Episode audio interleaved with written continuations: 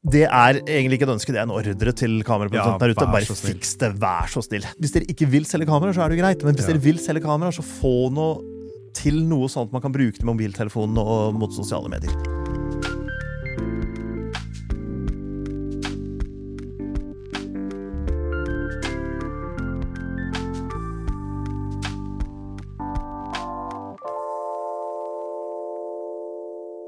Velkommen til Fotopodden, alle sammen. Det er jo et nytt år, nye muligheter, forhåpentligvis masse nye kameraer. Eh, I forrige episode så, så vi litt tilbake på året som er bak oss, og vi gikk gjennom noen nyheter som vi var heldige å se. I dag handler det om fremtiden, Erik. Vi skal gjøre litt kvalifisert gjetting basert på trender vi ser i kamerabransjen, og også komme med håp og ønsker om nyheter vi vil se dette året. Og så er det jo nødt til å nevne litt før vi starter at vi sitter ikke på noe mer informasjon enn andre. Vi får veldig sjelden informasjon om lanseringen på forhånd, og når vi gjør det, så må vi signere på kontrakter som stopper oss å dele noe som helst. Så alt vi snakker om i dag, er kun kvalifisert gjetting og ønsker. Så når det er sagt, Erik. Og offentlig informasjon. Så når det er sagt, Erik, hva er det vi ønsker å se i 2023? Mer av alt. Mer av alt. Ja, men Vi har jo oppsummert og vi har jo sagt flere ganger at altså, kameraene nå er så bra som de kan bli. At alle kameraer som kommer ut nå, har liksom De har speksene de, de, er, de er bra. Mm. Så kan de bli bedre? De kan jo alltid det. Altså, nå la jeg akkurat ut en sak på fokus.foto.no eh, om at det ikke finnes dårlige kameraer lenger. Og, så kamera i dag er jo for å tilfredsstille dine spesifikke behov. Det er Ja. ikke noe hva er best Canon eller Nikon, som vi snakket om i gamle dager. Ja. Den uh, debatten har vi gudskjelov lagt. Den er, for, den er forbi. Eh, men det kan alltid bli bedre. Og det er jo mye man ser det på. Batterikapasitet, egenskaper i lavt lys. Og det vi har sett i siste par åra, er jo skuddtakt. Altså det har gått opp fra at 10 bilder i sekundet var mye, til 12, 14, og så kom det 20, og så kom det 30. Og Olympus er vel oppe i 150 bilder i sekundene på det verste. Ja. Så, men jeg snakket med naturfotografer, og de sier ja, vi vil ha mer. sier de. Enda mer. Enda mer. Vi vil alltid ha mer. Det, Ja. Jeg har ikke spurt om de 150. Nei. Men forskjellen på 20 og 30 er vesentlig, sier de. Det, ja, det skjønner jeg. Og hvor slutter å være vesentlig, det vet jeg ikke. Um, og så er det jo en detalj til der, og det er jo at det er et enkelt tall å forholde seg til. Mm. Og markedsavdelinger og øh, brukere er veldig glad i enkle tall å forholde seg til. Så 20 er bedre enn 30, og 150 er bedre enn 140. Ja. Om du skal ta avgjørelsen på hvilke kamera du skal kjøpe, hvorvidt du tar 140 eller 150 bilder i sekundet, det er jeg ikke sikker på om er relevant, men det er et lett tall å forholde seg til, og da vil det alltid være lett å markedsføre, og da vil det være noe de vil jobbe med å forbedre. Men 150, hvordan er det mulig? Ja? Det er en ganske liten bildebrikke, da. ja på Olympus. Ja, det er jo på Olympus OM1. OM1. Eh, Så da går det jo raskere å lese ut. Og de har jo alltid ligget langt, for de har jo hatt 60 bilder i sekundet den gang andre drev med speil og, og lukkere og skrøyt av 12 bilder i sekundet. Så hadde jo de 60. Mm. Så, så de har en egen greie der for å gjøre dette. Men hvor, hvor lenge går det før bufferen fylles opp og sånt? da? Det går ikke så veldig lenge. Jeg har ikke testa på den siste, men i gamle dager da jeg var 60, så var det kanskje et drøyt sekund. Det er også Det er en ting som nok. kan utvikle seg veldig mye. Mm. Det at du får raskere minnekort, og, og bufferen eh, fyller seg opp mye tregere. Ja. Eh, og at du kan da ta 30 bilder i sekundet mye lenger også. Mm. At du kan bare holde inn i knappen. Vi har jo Med CF Expresskort så har vi jo et potensial der også for å øke hastigheten ytterligere enn det vi har i dag. Nettopp. Og mange da kan jo ta hvert JPEG-bilder, og en del, hvis du ikke har ekstrem oppløsning, tar råbilder egentlig helt til minnekortet er fullt. Ja. Så du kan godt ta over 1000 råbilder i serie. For den som måtte ønske det. så, så der er det jo et potensial. Ellers så begynner vi å se litt sånn megapixel-race igjen. Den Mm. syns jeg har ligget litt stille en stund. Sony vant jo den med sin A7 R4 med 60 megapiksler, eller 61 megapiksler, kaller de det. Mm, mm. Og nå har jo flere kommet med 60 megapiksler. Leica har 60 megapiksler. Det har kommet en ny Sony med 60 megapiksler.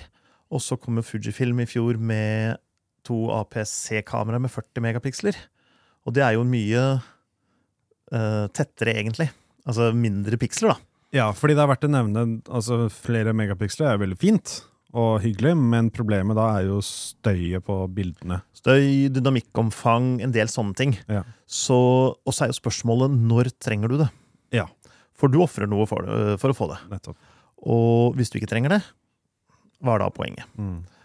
Skal du forstørre opp, så trenger du det egentlig ikke. Det er en myte at man trenger så veldig mange når du skal forstørre et bilde. fordi jo større bildet er, jo større betraktningsavstand har du, og jo mindre pikseltetthet trenger du egentlig på utskriften. Ja. Men skal du beskjære, så trenger du pikslene. Og det er jo litt sånn at hvis du tar et bilde på 40 megapiksler og reduserer det til 20, så har du jo et bedre bilde, eller i hvert fall et med mer detaljer, enn hvis du tok det på 20 i utgangspunktet. Ja. Så, så det er fordeler med, med høyere oppløsning, men øh, vi syns 12 var mye en gang i tida. Hvor mye skal vi egentlig ha? Ja. Men jeg tror at Cannon, for eksempel, som leda dette racet lenge med 50 megapiksler på sine 5DS-kameraer, de har kanskje lyst til å gjenerobre den tronen. Ja. Og ha mer enn Sonys 61. Og vi kan jo gå da inn på et kamera som har vært ryktet om lenge, og vært ønsket om lenge fra Canon. Mm. Altså en toppmodell, altså en R1. R1, ja. Fordi de har jo veldig mange R-kameraer nå, Mm. og vi trodde at R3 skulle være en type topp toppmodell. Men den hadde 20 megapiksler, så vidt jeg husker riktig. Mm. Så vi ønsker og håper fortsatt på en R1. Ja. Og kommer den i år, er jo det de fleste lurer på. Det er det. Um, jeg tror ikke den kommer i år. Nei. Og hovedgrunnen til det er at Cannon pleier å lansere toppmodellene sine det året det er sommer-OL. ja, ikke sant. Stemmer det. Og det er året Det er neste år. Det er neste år. Ja. 2024. Så det kan jo i teorien være at den lanseres helt på slutten av året i år. Ja. Sånn at de skal ha tid til å liksom hype dette nok og få testa det nok, sånn at det er klart til OL. Forrige gang så hadde de jo god tid, for OL ble utsatt et år. Da lanserte de Endex Mark eh, Tre. 3. Ja. uh, men jeg tror ikke at R1 heller vil få så ekstremt høy oppløsning. Nei. Jeg tror Den vil nok ligge på en 40-50 megapiksler. Men det spørs om de klarer den hastigheten de ønsker, Mm. hvis de går opp i over 60 megapiksler. Fordi på et sportskamera så er hastigheten viktigere. Det er jo ofte det fordi eh, det skal til redaksjoner, Ja. og det skal riktig bilde til riktig tid. Ja. Eh, på en nettside eller avistrykk så er ikke eh, detaljene det aller viktigste. Nei. Da er det hastigheten å få det riktige bildet på riktig tid, og Ja. ja. få med seg de detaljene. Ja, så er det jo en del naturfotografer Mm, som mm. bruker dette også, og de vil jo selvfølgelig gjerne ha både hastigheten og oppløsninga og detaljene og alt som er. Men eh, de er jo en mindre gruppe enn sportsfotografene. Um, og mange av dem tror jeg sier at ok, 50 er greit. Ja. Altså, Forskjellen på 50 og 65, hvis du begynner å, å se på antall piksler horisontalt og, og, og vertikalt, så er det ikke veldig stor forskjell. Altså. Nei. Så det blir litt sånn Midtstereoanlegget er 280, ditt er bare 180, så mitt har bedre lyd enn ditt. Ja. Det, ja, det er litt tilbake til, eh, til skuddtakten. Ja. Har ikke jeg noe annet i ermene, tror du? Det er et godt spørsmål. Jeg føler de har kommet ut med en del kameraer i det siste. De har jo det. Mm. De har R6 Mark 2, de har jo R10, de har R7, og Mhm. så R5C var jo ikke lenge siden den ble lansert heller, var det det? Det er et år siden nå, men Ja, det er et år Mm. siden, ja. Så jeg føler at de har ganske mange kameraer. som Men Canon allerede kommer alltid med noe. Ja. Så hvis de ikke kommer med R1 i år, så må de jo komme med en bunch med andre. Ja. Det er liksom bare sånn som man forventer ut ifra historien. Ja. Canon kan ikke gå et helt år uten å lansere kamera. liksom. Eh, R5 Mark 2, for eksempel. R5 Mark 2 er det jo en del som snakker om. Ja. Og den kan bli høyoppløst. Ja. Den kan bli 60 pluss megapiksler, for eksempel. Ja. Eller den kan bli eh, 8K 60P. Ja. Men det vil kann- kannibalisere R5C, så det er ikke sikkert de gjør det. Um, men Nei, de kanskje jo R5 da blir et mer R5 Mark 2 blir mer fokusert på foto, da? At de går all in på foto? Ja, eller at de merger de to. Ja. At R5C egentlig går ut, for den er jo en litt klumpete R5 uten bildestabilisator. Ja. Men da få en litt smoothere en, en um, bedre kjøling. Ja. Og, og de tingene som R5C har, men kanskje 8K 60P og støtte for XLR osv. Hvordan gjør du det med batteri da? Fordi det var jo det som var problemet med R5C. At batterien batteriet går jo veldig fort tomt. Ja. Du kan jo sikkert kjøre det fra USB-strøm, Ja. for eksempel. Nå er ikke USB-strøm veldig stabilt, for den eh, kontakten er jo litt sånn raklete, men det går jo an å få på noen låser der. Eller batterigrep, Batterigrep burde gå an. ja. Mm. som introduserer større batteri, Mm, for eksempel. for eksempel. Så det er muligheter der. Jeg tror litt på en R52, men ja. det er litt fordi vi så R62. Ja. Også at det liksom er lett å, å krysse av den på lista. Ja, da burde det egentlig være neste. Ja, Ja, det burde egentlig det. faktisk. Altså. Eller så går det jo rykter om en R100, altså sånn type enkelt, lite vloggerkamera uten søker og sånne ting, Ja. som er billigere enn R10. Eh, går det rykter om, for nå har jo Sony vloggekameraer, og Nikon har vloggekameraer. og da syns vel Canon at de burde ha et også. Mm. Så ikke det er bare de som ikke er med i, på leken. Med utskiftbar objektiv da, eller ikke? Ja, da blir det jo R-system. Ja. Så du kan bruke alle R-objektivene, Mm. eller EF-objektivene hvis du bruker adapter. Ja. Um, ellers så er det jo med introduksjon av R7 og R10, som var APC-kameraer, så døde jo på en måte EOS M, Mm. altså det tidligere speilløse systemet deres, hvor du ikke hadde noen vei å gå etterpå. Du kunne ikke bruke de objektivene på noe annet. Og, ja. Eh, og da kan det jo være at de vil introdusere noen rimelige kameraer for å erstatte M-serien, da, Ja. tenker jeg. Ja. Og dermed også noen M, nei ikke M, men noen rimelige RF-objektiver Ja. Det hadde vært kult. med det. Så det er det jeg tror om Cannon. Eh, Jeg har sjekka litt sånn ryktesider og sånn ute i verden, og noen sier ja, men de burde komme et retro-utseende kamera, litt sånn som Nikon FC. Ja, jeg føler ikke det er en Canon, akkurat. Nei, er det det, liksom? Det er, Cannon har alltid vært liksom moderne, framoverlent. Skulle være, se litt kule ut, litt Ja. moderne. Og så har de jo ingen objektiver med blendering, for eksempel, og sånne ting, så du mister jo litt den der retro-greia i utgangspunktet. Ja. Så jeg tror ikke det er rett for Cannon å gjøre det. Altså. Nei, ikke heller. Og det, jeg føler sånn Fujifilm er mer der. Fujifilm er er der. det de er. Og Nikon har jo så mye historie Ja. med så mange sånne kameraer. Det er så mange som elsker en del av disse gamle kameraene, Ja, ja. FM3 og sånne ting, så de ønsker seg tilbake til, til den stilen. Så for Nikon så er det også riktigere. Ja. Men for Canon så tror jeg det blir feil. Så Ja, jeg tror ikke det kommer noe sånt nå der.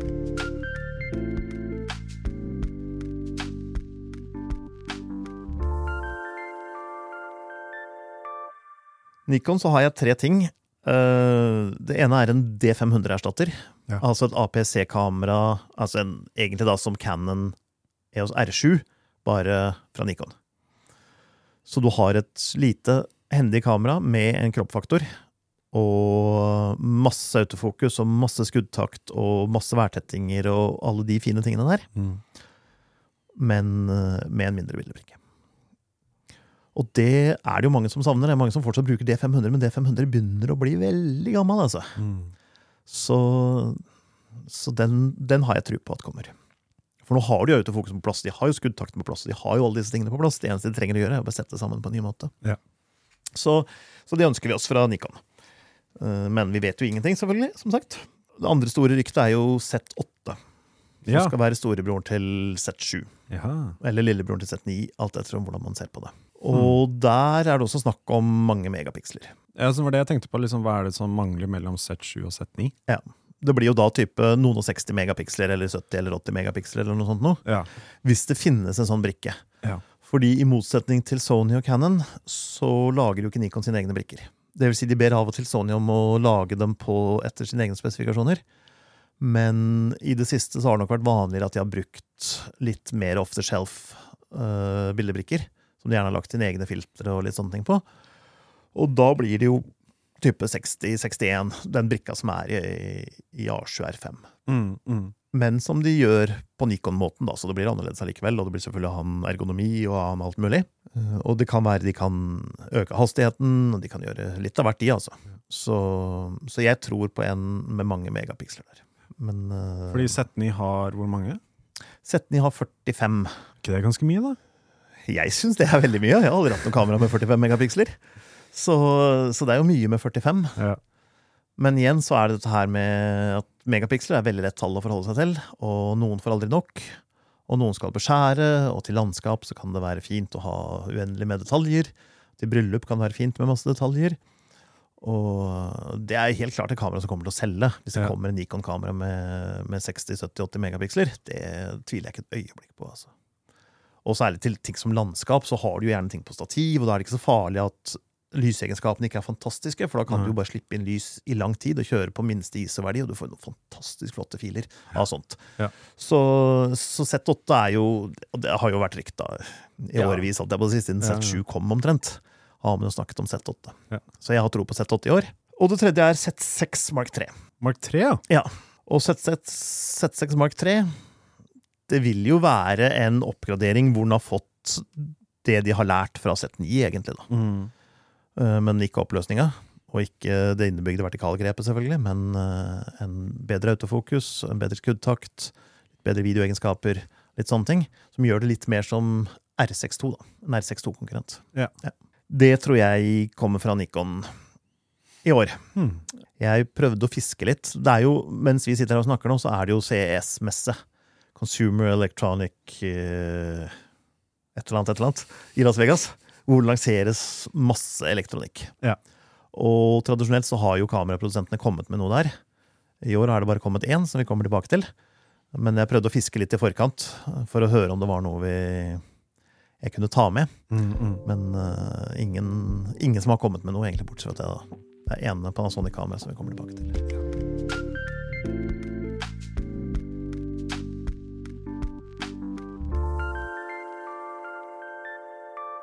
Sony det er jo mye ting som man har snakket om lenge. A93. Jeg er ganske sikker på at vi snakket om A93 da vi satt her for et år siden. Thomas. Det gjorde vi. Ja. Og jeg tror ikke at det er et kamera som kommer. Nei, vi vet jo ikke, vi. Nei. Vi vet ingenting. Nei, vi vet ingenting. Men der er det kun fokus da på skuddtakt. Det kan jo være oppløsning der også, selvfølgelig.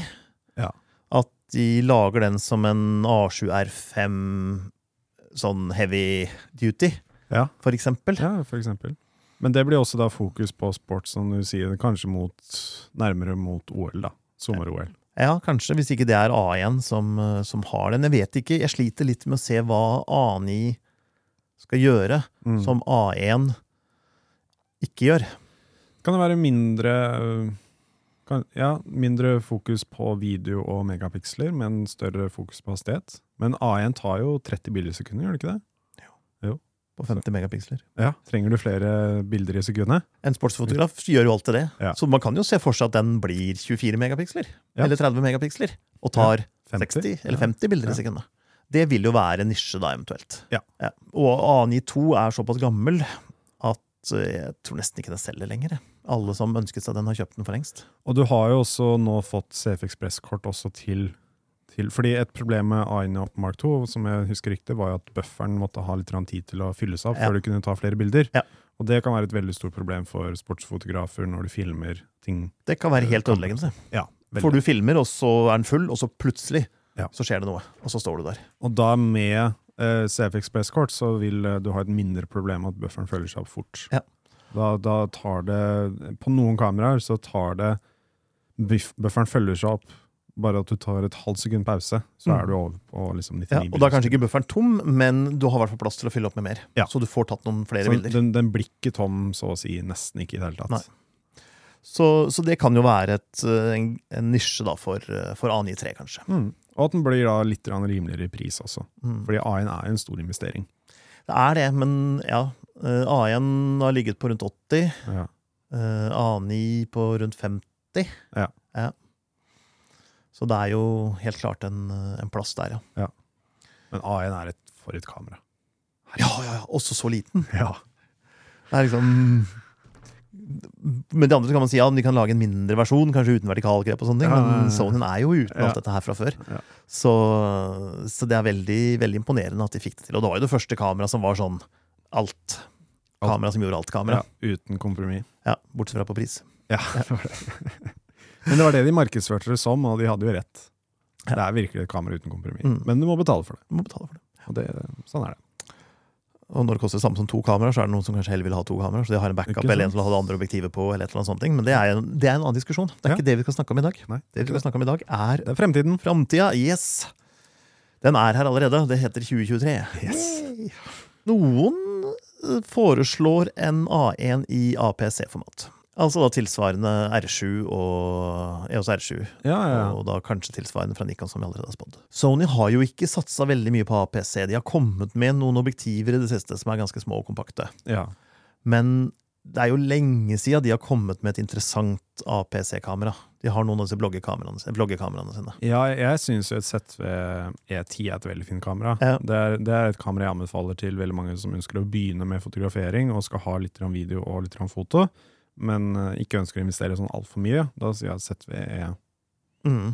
er et veldig veldig fint kamera. Mm. Ja, den ut, oppfyller veldig mange av ønskene og kravene til noen som skal starte. I hvert fall på video gjør det det. Ja. Eh, vi fotomennesker vi er litt mer skeptiske siden mangler søker og det er en del Ja, ja. sånne ting. Men, uh, Men tenk deg hvis du går fra mobilen, da. Ja. Så er du vant Ja, ja, til å ja, ja. bruke skjermen til å se på alt uansett. Ja. Så Så er jo da, vi da- gamliser. Ja, Vi boomers tenk- som uh, vil ha den søkeren, kanskje.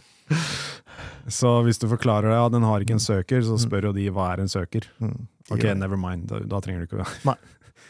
Du, du savner ikke noe du aldri har hatt, ikke sant? Det, det er riktig, det, altså. Eh, Så, så det kan være de kommer med for å Mhm. konkurrere med, med oss R7. Siste så på lista mi, er A7C2. Ja, den er litt sånn retro. Litt Ja, stilig. den er veldig liten. Ja. Den er jo stor, ikke stort større enn APC-kameraene til Sony. Men den begynner å bli gammel, for den er jo basert på A73, Mm. som ble skal si, grundig akterutseilt da A24 kom. Ja, Og vi vil ha en A7C som er basert på A24 i stedet. det hadde vært veldig fint. Da hadde det, altså. Og den, er den fullformat eller APC? Den er fullformat. Den er fullformat, ja. Og, og det jeg har sagt veldig ofte om Nikon, Canon og Sony, det er jo at jeg ser ikke det store poenget med en del av disse APC-modellene, fordi de har ikke veldig interessant optikk til APC. Det er Mhm. litt annerledes for Sony, for de har ganske mye APC-optikk, men det er ikke veldig mye spennende, avanserte ting. Så du ender fort opp med å bruke fullformatobjektivene. Og skal du ha med deg to-tre objektiver, så er da størrelsen på objektivene så mye mer vesentlig enn størrelsen på kamerahuset. Da kan du like godt kjøpe et fullformatkamera. Men A7C har jo da den fordelen at det er så lite i seg sjøl at selv om du bare skal ha med ett objektiv, Mm. så er det nesten ikke noe vits med APC. Så A7C det gjør jo egentlig det spiser litt av APC-markedet til Sony. Og det er sikkert Sony veldig glad for, for de vil jo heller selge de større, dyrere tingene. Um, men Fordi de, jo, de har jo samme fatning på alt. de har sammenfatning på alt, ja. Det har jo for så vidt Nikon og også. Canon er jeg litt usikker, de har jo ikke pleid å ha det. Men, Nei, um, men med, med R10 og sånne ting, så har jo de Går det jo på det samme. Ja, du kan sette fullformatobjektivene, Ja. men på Nikon og Sony kan du sette APC-objektivene på fullformatkameraene. Ja. Det tror jeg ikke du kan på Canon. Nei. Du kunne ikke på EF, i hvert fall. Nei. Men, men det er lite relevant, for det er ikke så mange som har lyst til å gjøre det. Nei. Så en A7C2 basert på A74, Mm. øh, det kunne vi godt fått, syns jeg.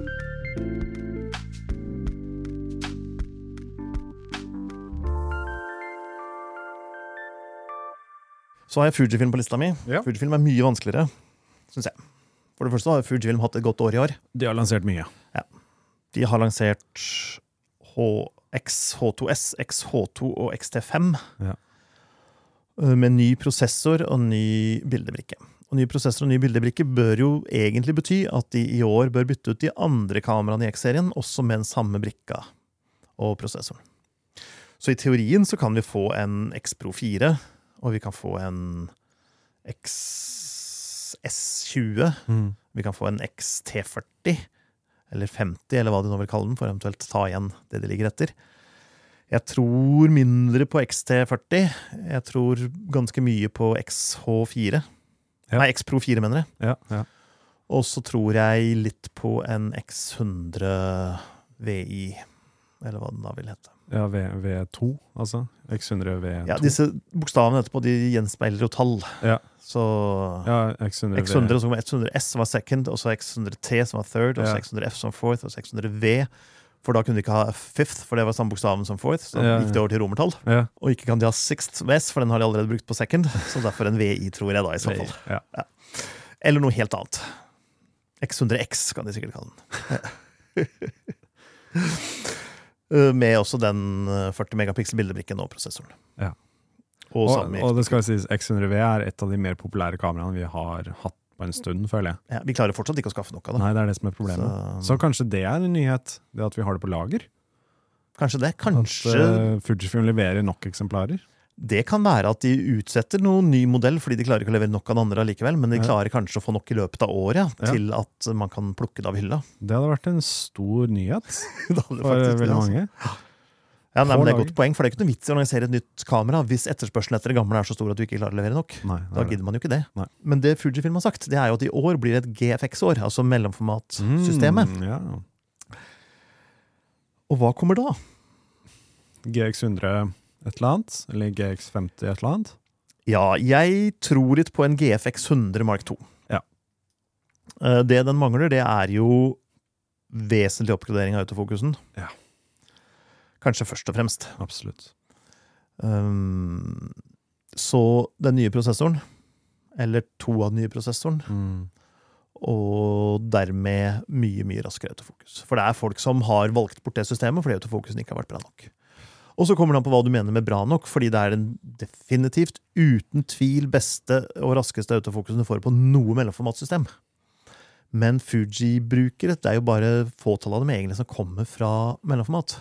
De andre kommer jo fra mindre Mm. Det systemer, og er vant til en helt annen greie. Og dette kameraet ble jo også markedsført litt som at du skal gå ta steget fra fullformat til mellomformat. Ja.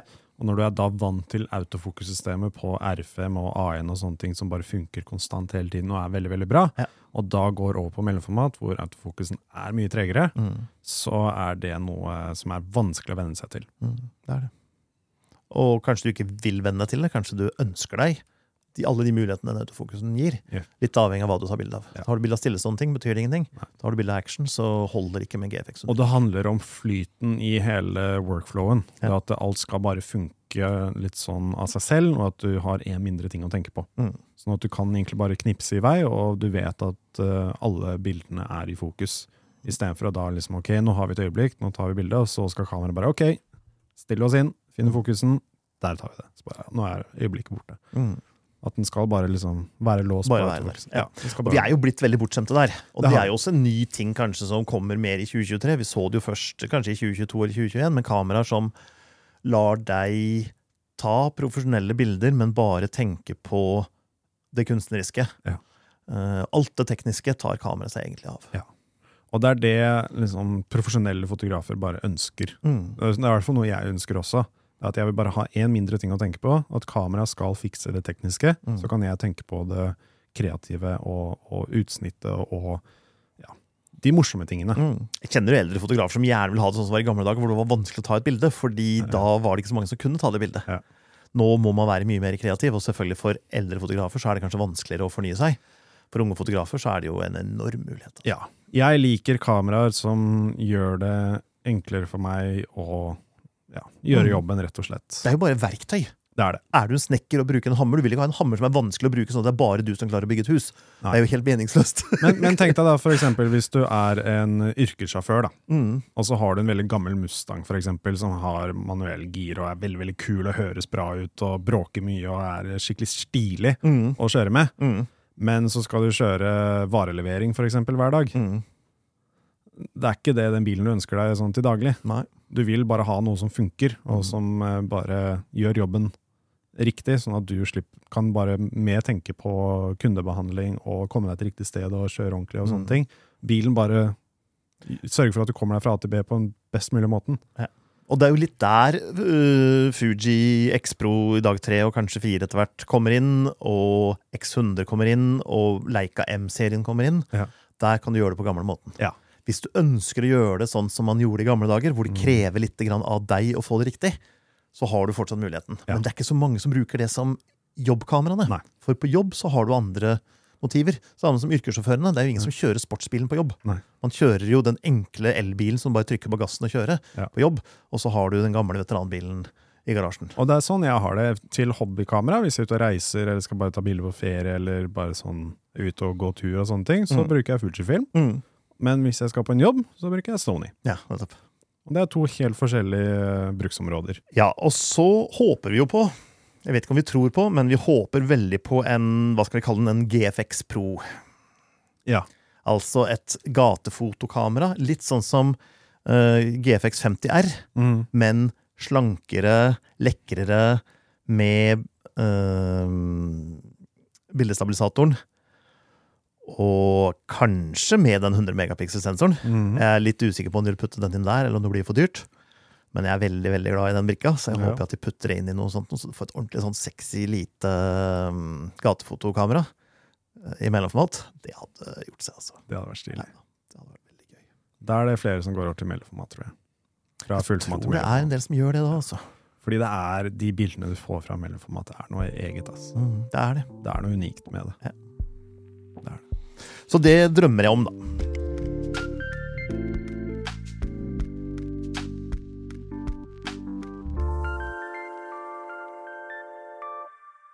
Så er det Panasonic.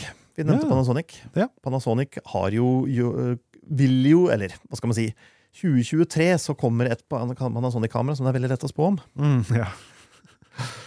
Fordi det kom for noen dager siden. Ja. Uh, S5 2. Og S52 og S52X. X. Ja.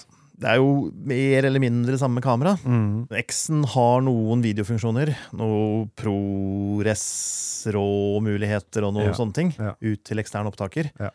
Som du etter hvert vil kunne betale for å få på en S52. Så det er egentlig utseendet som er den største forskjellen her. Sånn, etter hvert så vil det bli den største forskjellen, fordi X-en er helt svartet ut og er liksom en litt kul, ser litt kulere ut. da. Ja. S52 ser vanlig ut, og S52X ser grisekult ut. Ja. Ja, Syns jeg, da. Ja, ja. Jeg syns det ble veldig mye tøffere når det var helt svart. ja jeg er helt enig. Og det er jo, ser ut til å være et kjempefint kamera. Mm. Uh, vi har jo I fjor så var vi jo litt bekymra for Panasonic. Det kom noe Panasonic i januar eller tidlig februar. Mhm. GH6. 306, ja. Og så ble det helt stille. Det kom ingenting. Og da begynte vi å lure på slutter de med Micro Four Third, slutter de med fullformat, slutter de med kamera i det hele tatt.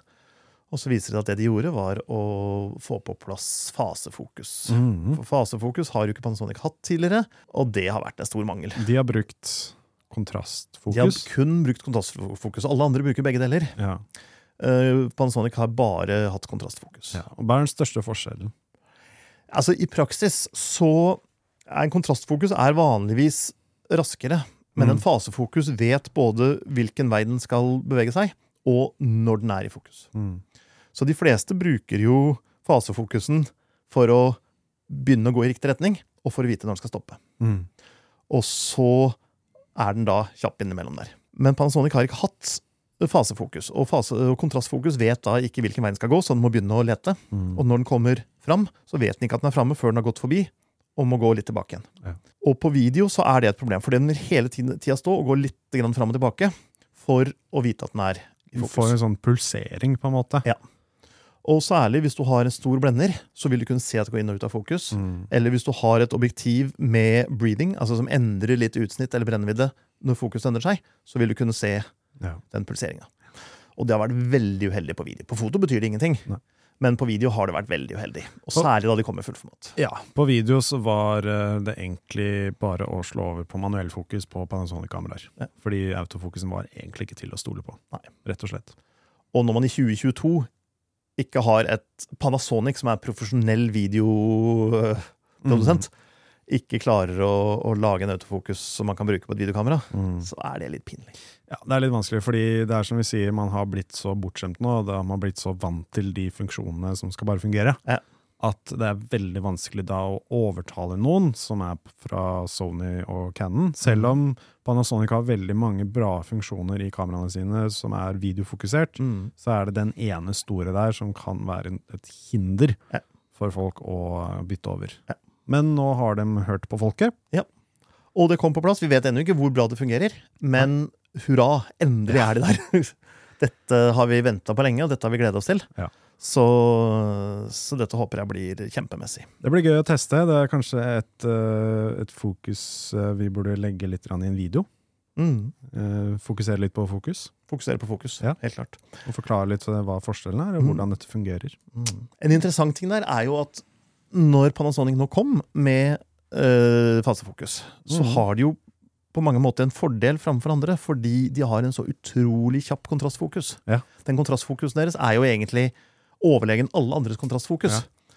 Så nå har de den suverent beste kontrastfokusen i kombinasjon med fasefokus. Så hvis mm. den fasefokusen deres er på stell, og den fungerer utmerket, så kan det bli et veldig, veldig bra fokussystem altså, på disse kameraene.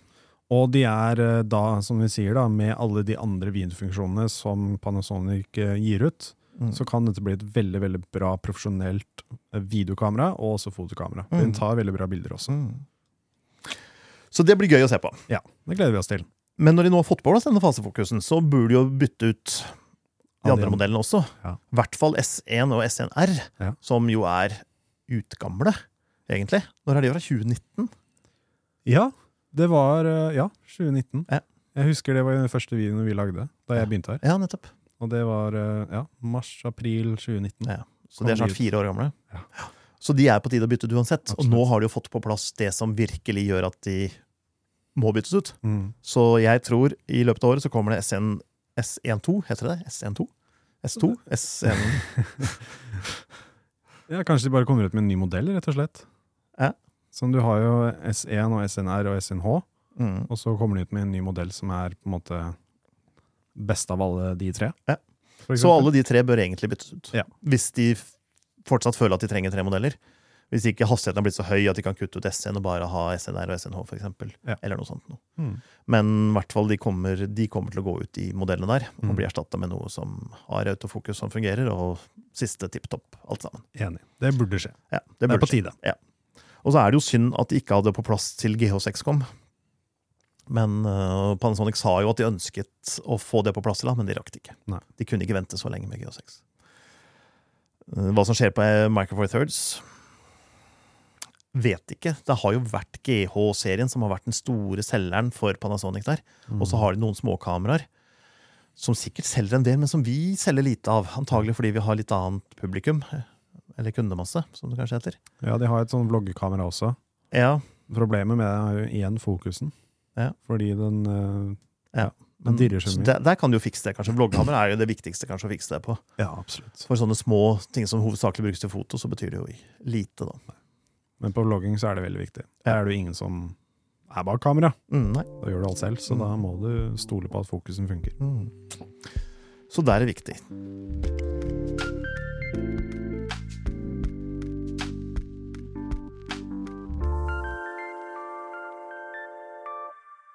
Noe annet tror jeg ikke om Panasonic. Nei. Men jeg tror noe om Olympus. Ja. Nei, det heter ikke Olympus, det heter OM-system. OM-system. Ja, Vi må begynne å lære oss å kalle det for det. det tror- jeg tror ikke så veldig mye der, da. Men jeg tror OM10. Fordi siste kamera de kom ut med, var OM5, OM5. og før det var det OM1. OM1. Ja, så da spår jeg OM10. Siden de fra før hadde OMD EM1, EM5 og EM10, så tror jeg nå på OM1, OM5 og OM10. Ja. Så dette her er jo mer uh, tallsjonglering enn uh, noen teknologivurderinger. Mm. Men eh, det blir da et rimelig, en rimelig modell. Med enklere bildestabilisator, uten den fantastiske værtettinga, antagelig. Og en del sånt. Mm. Det store spørsmålet er jo putter de noe nytt i det, eller blir det en OM5-ekvivalent med gammel teknologi? Der har jeg ikke lyst til å spå. Jeg har lyst til å ønske, men jeg har ikke lyst til å spå. Og alle vet hva jeg ønsker. Så Akkurat med OM så er det vanskelig å si, altså. Ja. Det er veldig vanskelig å si. mm. Jeg tror jo, altså i mitt hode Jeg klarer ikke å få vridd hodet mitt rundt muligheten for at de bare har tenkt å kjøre hele opplegget i dass. Eh, For da skjønner jeg ikke hvorfor de har kjøpt det. Nei. Jeg klarer ikke å forstå den forretningsmodellen. At man skal kjøpe en ting for masse masse, masse, masse penger, og så skal man bare drite i alt. Og ikke gjøre noe mer med det. OM1, fantastisk kamera, men det var antagelig utvikla fra før av Mm. Olympus. Og nå skal de ha på plass ting. Og inntil de har på plass ting, så må de slippe noe sånn litt enkelt. eh, sånne For å vise at de fortsatt lever. Og så kommer de med noe, noe ordentlig noe. Ja. Det er det jeg håper og ønsker og tror. Om det skjer i 2023, det vet jeg ikke.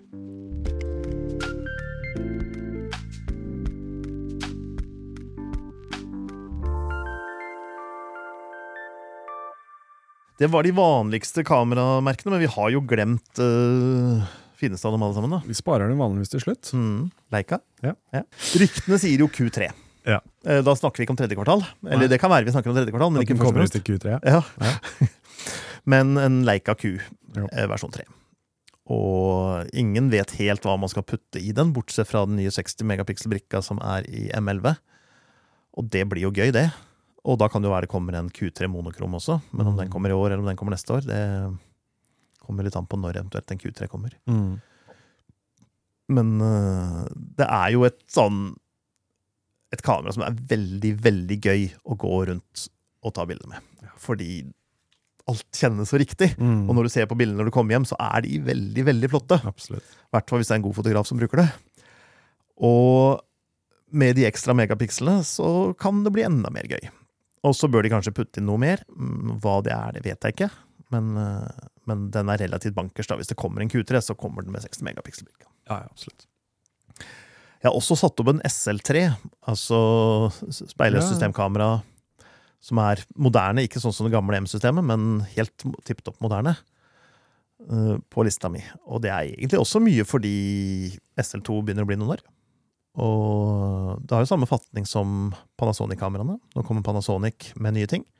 Da blir det kanskje ny giv for salg av objektiver osv. Og, så og da kan det være interessant å ha et uh, topp moderne kamera i den rangen. Tenker jeg. Så jeg syns vi skal få en SL3 og en Q3 fra Leica. Og så kommer det selvfølgelig sånn fem spesialversjoner, hvorav to bærer navn på en eller annen gubbe. Um, og de andre bærer navn på et eller annet designhus. Og sånne ting. Ja. Det, det får vi jo. Det er liksom, det er å forvente. Det er å forvente. Ja. ja. Jeg tror de har kutta ut helt APC-serien, altså SL, nei, CL-serien. Mm. Den tror jeg er ute og borte. Så det er M, SL og Q Mm. som er hovedgreiene deres. da. Og så har de jo hatt disse kompaktkameraene som egentlig er Panasonic-varianter, som de har designa litt om og gjort småting med. Men markedet for kompaktkamera er såpass lite at der Det kan jo være det kommer en Celux Kompaktkamera har fått et nytt navn. mm, Mobilkameraer, mobilkamera. rett og slett. Ja. Det er Har bare å egentlig si det. det. Ja. Mm. Mobilkameraene er såpass bra nå at uh... Ja, men hvis du vil ha den røringen, da, hvis du vil ha dette Leica-kameraet, og du ikke har råd til å betale 70 000, så er det jo fint med et Ja ja, men det er liksom ikke noe særlig utvikling som trengs å gjøres der, føler jeg. Nei, det er, Egentlig. Nei. det er nok ikke det. Og de selger jo fortsatt de, Ja, ja. de Leica kompaktkameraene som er. Så det kan jo også tyde på at det ikke er noe veldig stort behov. Sigma kommer av og til med kameraer. Sigma vet vi har jobba med en sånn Fovion-bildebrikke. Mm. Fovion det er jo da en bildebrikke som kan se farger. Det vil si, den kan ikke egentlig se farger, men den har tre lag. Så det første laget ser én farge, og det andre en annen farge, og den tredje en tredje farge. Sånn at du ikke filtrerer bort egentlig da det meste av lyset Mm. for hver piksel. Mm. Så teorien er da at den fanger mer lys, og, og du får bedre farge. Du slipper også å interpolere fargen og så, videre, så du får penere fargeoverganger. Ja, interessant. Og de har hatt den teknologien i mange mange år, men de har vært veldig begrensa, for de har hatt mye støy på høye ISO-verdier, de har vært langsomme, krevd masse prosessering og dermed mye batterikapasitet. Eh, fantastiske til sånne ting som portretter og sånne vanlige ting. Men til video, til mørke ting, til action, alt mulig sånt, så har det vært helt ubrukelig. Ja. Nå driver de og jobber med en fullformatbrikke, og det har vært snakk om det en stund. Og Sigma har vært ganske åpen på liksom, hvor langt de har kommet, og nå tror jeg de har kommet så langt at den er mer eller mindre ferdig utvikla. Og så må de ta en beslutning på om de skal bruke den, og så må de jo putte den inn i noe. Så om de rekker det i år, litt tvilende. Men det er en veldig spennende teknologi. Jeg pleier å si at det er uh, digitalkameraenes vankelmotor. Mm. Hvis noen her er så gamle at de husker vankelmotoren. De fleste lytterne våre er vel kanskje så gamle. Jeg vet ikke hva det er for noe. Nei. Dessverre. En vanlig stempelmotor har ting som går opp og ned og opp og ned. Mhm. Og det er veldig lite praktisk at det skal skifte retning hele tida. Så laget man noe med noen skiver så det bare gikk rundt og rundt. Og rundt, og rundt okay, ja, ja. Og egentlig mye smartere teknologi. eh, Men når det puttes 100 milliarder i forskning på stempelmotorer hvert år, og 10 millioner i vankelmotorer, så klarer ikke vankelmotoren å bli bra nok. Så, så det er ingen biler som har det lenger. Ok. Dessverre. Men det, var en derfor, det, er- det er derfor jeg ikke har hørt om det. Det er derfor du ikke har hørt om det. Ja. Ja. Mazda RX8 var den siste mannen. Ok, Ja. Eh, så den ble aldri noen stor suksess, men det var en veldig god idé. Ja. Og hittil så er det sånn med Fovion-brikka også. Ja. Uh, Den har ikke vært noen stor suksess, men det har vært en veldig god idé.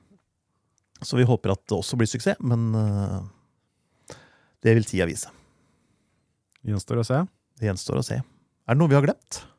Egentlig ikke. Jeg har litt notater med tanke på sånne generelle ting Ja. som jeg håper kommer i kameraer. Ja. Eh, og det er eh, et par ting som er liksom frustrasjon fra softwaren til de forskjellige kameraene. Og Mm. hvordan de fungerer med mobilen din, f.eks. Ja, sånn oppkobling og sånn, ja. Ja. Ja, åh, der trenger vi noe bedre. Ja. Noen fungerer. Og du husker jo, jeg viste deg, Vi tok noen bilder her i studio, sånn portrettbilder av oss, og sånne ting, hvor, Mm. vi, hadde, hvor vi hadde selvutløseren og et eh, sånt eh, vindu, sånn at vi kunne se hva vi tok bilder av på mobilen. Så Mm. vi bare satte opp kamera, og så tok jeg bilder med mobilen. Ja. som bare trykket der.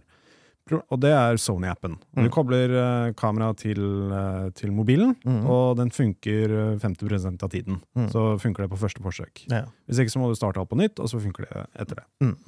Problemet er jo det at for eksempel det at hvis jeg bytter en app i, på mobilen, og går inn på Sony-appen igjen, Mm. selv om jeg ikke har lukka appen, så må jeg da koble til på nytt. Ja. Og jeg bare sånn, Hvorfor er det ikke mulig at det er en sånn ting som bare fungerer sømløst? Si du kobler kamera til mobilen din én gang, Mm. og så er den koblet til Med en gang kameraet skrur seg på, så har du en tilkobling automatisk der. Mm. Bare sånn som med AirPodsene eller med klokka di, eller med liksom uh, headsetet ditt, eksempel. Med en gang jeg skrur på head det headsetet, så kobler den seg til mobilen min, for den husker. Ja. Hvorfor, hvorfor kan ikke det være kamera? Hvorfor kan de ikke det? Altså, det opplagte svaret på det er at dette her er rykende fersk teknologi. Første gang jeg brukte noe sånt nå var i 2013, så de har jo ikke hatt mer enn ti år på seg Nei, å få det til å fungere. og det er veldig kort tid. Det er veldig, veldig kort Ja, tid. Ja, ja. I teknologibransjen så er jo det Men det er kjempefrustrerende, fordi det er liksom sånn Det, det er sånne småting som er nok til at bare sånn Nei, vi bare gjør det med mobilen. Og, og nå sitter han og hetser Sony for dette her, og det er nok berettiget, men det gjelder ikke bare Sony. Altså. Det gjelder alle. Det gjelder i praksis Alle alle. Noen har sine problemer, andre har andre problemer. Ja. Eh, Jeg bruker Fujifilm, og der er det jo dritvanskelig å bare få kobla det opp. Når det først er kobla opp, så fungerer det sånn uh, ganske bra. Ja. Men det er så vanskelig å få kobla opp. Også det at når du skal da overføre bilder over til mobilen trådløst, Mhm. så er det også en ting som tar litt tid, og liksom, du må merke alle bildene og sånne ting, enten mm. på kamera eller på mobilen.